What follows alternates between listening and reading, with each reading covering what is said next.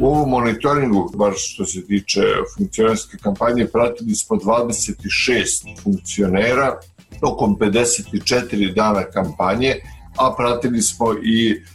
šta se dešavalo tokom perioda vanrednog stanja, odnosno kako je to RIK nazvao prekide izbornih aktivnosti. Ovo je period od 54 dana kampanje, poredili smo sa 54 dana u 2019. godini koja je bila neizborna. Iako su 21. juna održani izbori na svim nivoima izuzev predsjedničkih, predsjednik Srbije Aleksandar Vučić je jednostavno dominirao izbornom kampanjom i zasenio ne samo ostale aktere iz Srpske napredne stranke i drugih partija sa liste koje je nosila njegovo ime, nego i sve druge učesnike izbora. On nije sam imao veliki broj promotivnih aktivnosti, ali su pažljivo ukomponovane sa drugim oblicima promocije, pa je u potpunosti ovladao medijskim prostorom izveštaj sa 16 njegovih promotivnih aktivnosti na kojima se pojavio, dobili su ogroman prostor u medijima, a na tim događajima govorio je nizu drugih tema i aktuelnosti što mu je dalo dodatni prostor. Uz to je redovno gostavo u TV emisijima, organizovao obraćanje nacije, a to je bio okvir za dominantno prisustvo i u okviru plaćenog oglašavanja liste Srpske napredne stranke, oglasna kampanja SNS je potpuno bila personifikovana u Vučiću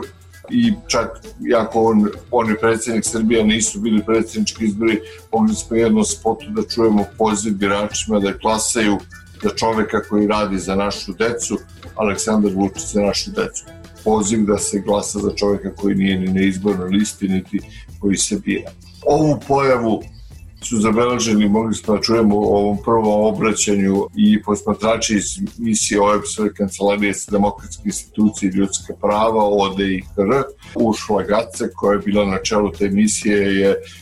pre nekoliko dana saopštila da je dvojna uloga predsjednika Srbije, koja je lider vladajuće stranke, bacila senku na liniju između njegovih zvaničnih dužnosti i izborne kampanje. Drugi stranački funkcioneri, posebno iz SNS-a, nisu bili vidljivi, izuzev kada su se pojavljivali kao državni funkcioneri u funkcionerskoj kampanji. Kao što sam rekao, imali smo e,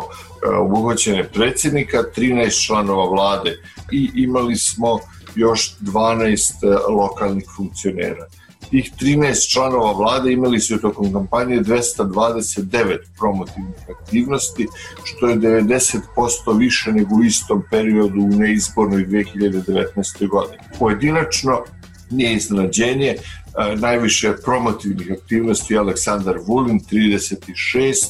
sledi Ana Brnabić koja se značajno aktivirala sa 34, Mladen Šačević 28, Zoran Đorđević 27 i Zorana Mihajlović 24. Najveći procentualni rast u odnosu na 2019. imao je Ivica Dačić koji je utrostručio broje promotivnih aktivnosti sa 6 na 18. Među lokalnim funkcionerima takođe nema iznenađenja, ovo je bila sigurna kvota, tradicionalno prvo mesto pripada Goranu Vestiću sa 46 promotivnih aktivnosti, iako se uh, ovog puta nisu održavali izbori za Skupštinu grada Beograda, oni su bili 2018. godine, ali se Vesić kao i 2016. godine najčešće pojavljivao sa predsjednicama gradskih opština iz SNS i time pomagao njihov nastup na lokalnim izborima. Analizirali smo 11 dnevnih listova, osam od njih koji izlaze u Beogradu, takođe dnevnik Novosadski, Narodne novine Niške i Vesti, Frankfurtske vesti list za dijasporu. To je ukupno 99 dana tokom koji su izlazili na novine i posmatrano je 996 naslovnih stranica. Najviše pojavljivanja naravno imao je Aleksandar Vučić,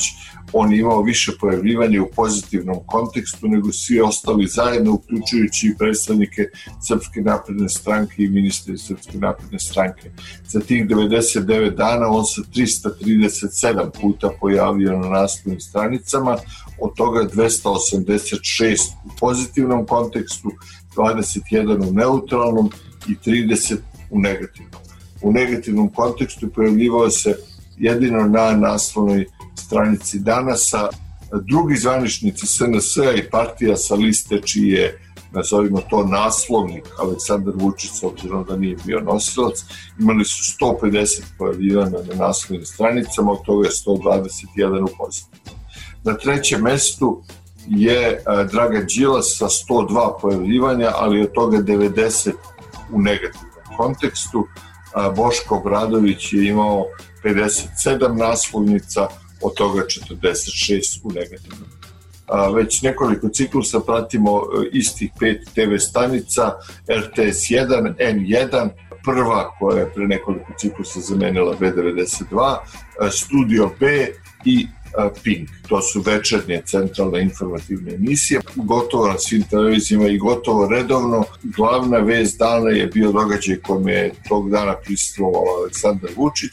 bio među prvim prilozima, a s obzirom da je na tim javnim događajima, posetama, fabrikama, obilacima radova odgovarao na pitanje novinara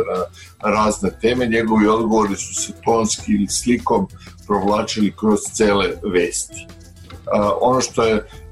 su neke specifičnosti zabeležene jeste na primjer da je TV Pink u okviru vesti od četiri posmatrana datuma tri puta emitovao integralno govor Aleksandra Vučića sa pitanjem novinara pa je to trajalo u jednom slučaju 23 minuta i 10 sekundi, u jednom slučaju 32 minuta i 30 sekundi. RTS N1, Prva TV i TV Pink su u izbornim blokovima dale približno isto vremena svim listama za parlamentarne izbore. Studio B je izrazito neravnopravno predstavljao izborne liste i kandidate u izbornom bloku. Ogromna prednost data je listi oko SNS kroz emitovanje priloga o aktivnosti ogromnog broja funkcionera, dok su ostale stane, TV stanice uglavnom emitovale ostavljene e, snimke. Sam Vučić bez ostalih funkcionera SNS ima 13.705, a svi ostali funkcioneri liste zajedno 10.600 sekundi.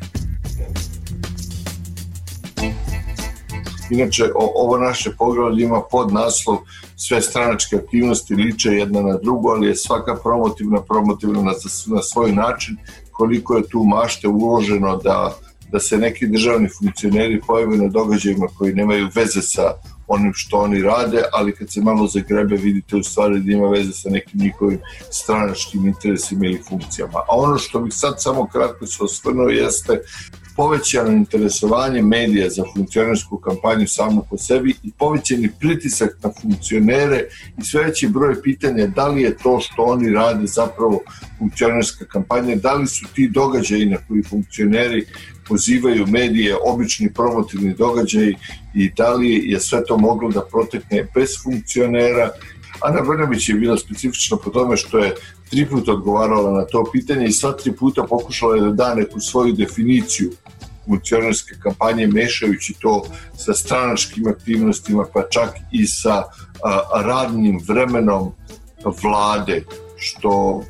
nije nešto što verujemo da postoji, nismo do sada čuli da vlada radi od 8 do 4 ili od 9 do 5 ili da ima neko radno vreme tako koga može da se ide na promotivne aktivnosti ili državne aktivnosti, a da posle toga ima vreme tako koga može da se ide na stranačke aktivnosti. Jedna stvar koju smo takođe analizirali, to je period izborne tišine. Ovog puta nije bilo mnogo promotivnih aktivnosti tokom izborne tišine, bilo je dosta aktivnosti, neke od njih protokolarni, posebno ministra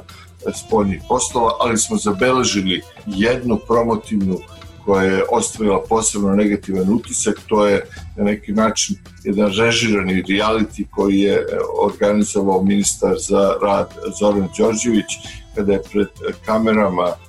saopštio odluku da se devojčica koja je bila oduzeta od usvojitelja vrati usvojiteljima, a, potom pred kamerama saopštio puno ime devojčice i njeno prethodno prezime, taj snimak sa imenom, zatim nezamućeni snimak deteta i fotografije sa nezamućenim snimkom deteta su i dalje dostupne na sajtu ministarstva i površ svega a, izrežiran je susret, odnosno to je ministar nazvao iznenađenjem za porodicu usvojitelja i nešto što bi možda nekome moglo da bode oči da je devojčica tu se pojavila sa jednom velikom ružom, što strahovito podsjeća na scenariju viđen prethodne večeri završnog predstavljanja liste SNS-a i kada se pojavila devojčica iz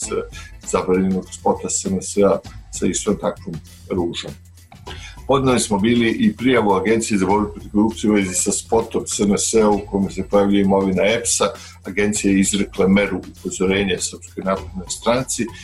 imali smo tri slučaja gde smo ukazali na spotove u kojima se koriste javni resursi, a tu je agencija zaključila da nema kršenja zakona jer su se koristili snimci aktivnosti državnih funkcionera od ranije na kojima nema straničkih oblažja. Po nama je na ovaj način dat dodatni posticaj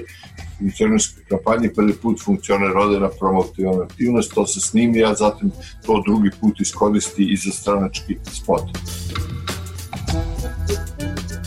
Ono što su bili glavni nerešeni problemi kada je reč o finansiranju izborne kampanje pre nego što su ovi izbori uopšte raspisani, jesu neke stvari koje su zaostale e, još e, odavno, dakle, i o kojima je govorila i strategija iz 2013. godine. Primjera radi nemamo, za razliku od brojnih drugih zemalja, ograničene rashode u izbornoj kampanji, nemamo dovoljno precizna pravila o kreditima i dugovanjima za izbornu kampanju, nemamo obezbeđenu javnost podataka dok kampanja traje, nemamo rokove za provere koje agencija vrši po službenoj dužnosti. Imamo e, brojne slučajeve iz ranijih nekih kampanja gde nisu e, ispitane sumnje u zloupotrebe e, javnih resursa. Tokom 2019. godine odvijala se jedna kampanja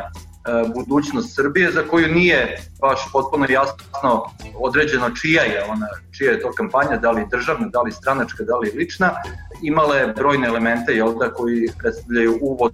i u kampanju koja se vodila e, na ovim izborima. Isto e, kampanja, e, odnosno projekat najavljen pod imenom Srbija 2025, ta promocija se dogodila u decembru mesecu prošle godine, a videli smo da je taj projekat koji je najavljen kao državni bio na određeni način korišćen i po porukama i po sloganima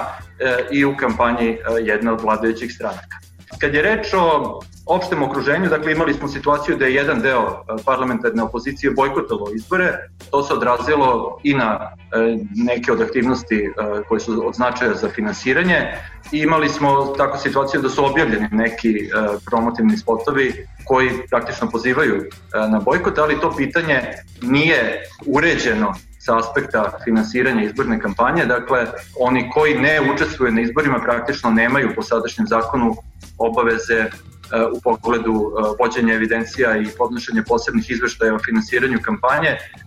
iako bi bilo logično e, da i takva obaveza postoji. E sad, mi s razlogom možemo da očekujemo da će ova izborna kampanja na kraju koštati manje kada se svedu svi računi nego što su koštale prethodne i glavni faktor za takvo naše očekivanje jeste činjenica da je oglašavanje na TV stanicama trajalo tek nešto više od tri nedelje, a u prethodnim izbornim kampanjama takvo oglašavanje je vršeno tokom znatno dužeg perioda 6 do 8 nedelja u zavisnosti od toga da li su bili parlamentarni ili predsjednički izbori. Na raspodelu sredstava iz budžeta e, direktno utiče nekoliko faktora od kojih je najznačajniji koliko e, se uopšte javilo izbornih lista i sada ih je bilo veoma mnogo, 21. Mi nažalost nemamo još uvek na raspolaganju podatke o tome koliko izbornih lista je zatražilo sredstva iz budžeta, ali ukoliko su e, zatražili da koriste ta sredstva, svaka od njih je mogla da računa na oko 60.000 evra pre izbora, dakle na osnovu toga što je što se prijavila da ta sredstva koristi i što je položila izborno jemstvo. Kad je pak reč o sredstvima koja se e,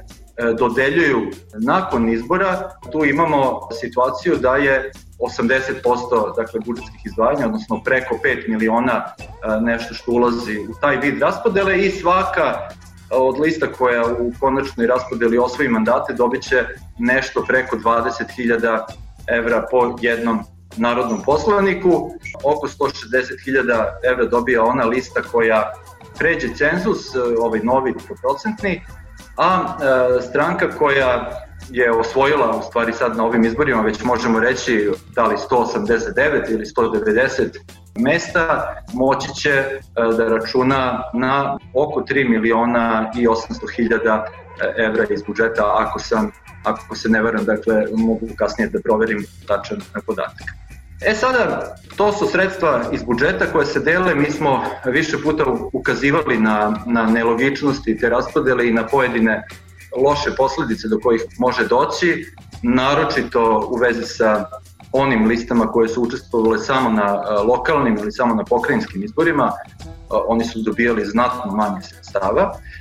Budžetska sredstva su nam ključna ovde zato što najveći broj učesnika, to su pokazali i, i dosadašnji izbori i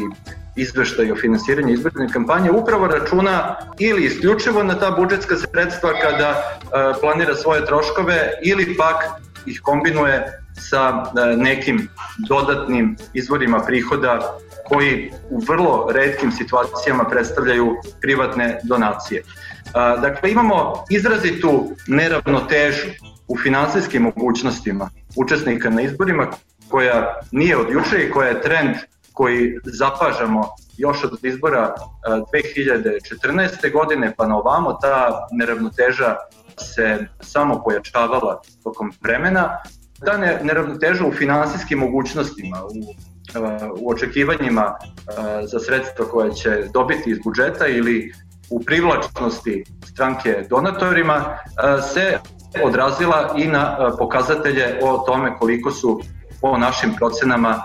koštale TV kampanje koje su stranke sprovodile. Na glavnim TV stanicama što uključuje nacionalne emitere kao i N1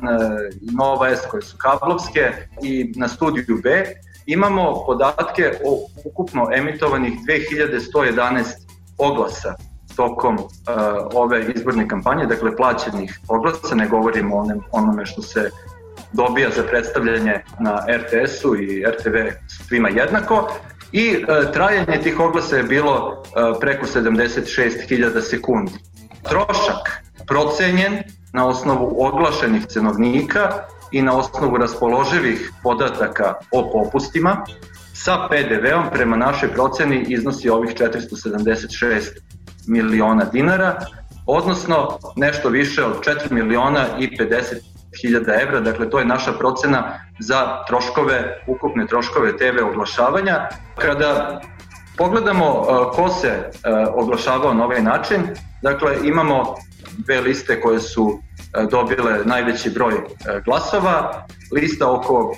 SNS-a je uložila u TV oglašavanje oko 59% ukupnog izdvajanja za sve stranke, a lista SPS-a 23 SPS Jedinstvena Srbija 23%. Dakle, vidimo da su ta izdvajanja bila zaista najveća kod e, izrazito pobednika na ovim izborima. Među strankama koje su e, takođe imale značajan ili bilo kakav udeo u oglašavanju, zabeležen je pokret obnove Kraljevine Srbije sa oko 6%, a ta lista je, kao što znamo, dobila nešto manje od 3% glasova. Zatim lista SPAS, koja je prešla e, census Kada je reč o TV stanicama, najvrednije oglašavanje e, sa preko polovine ukupnog udela e, su činili zajedno televizija Pink i televizija RTS 1, RTS 2.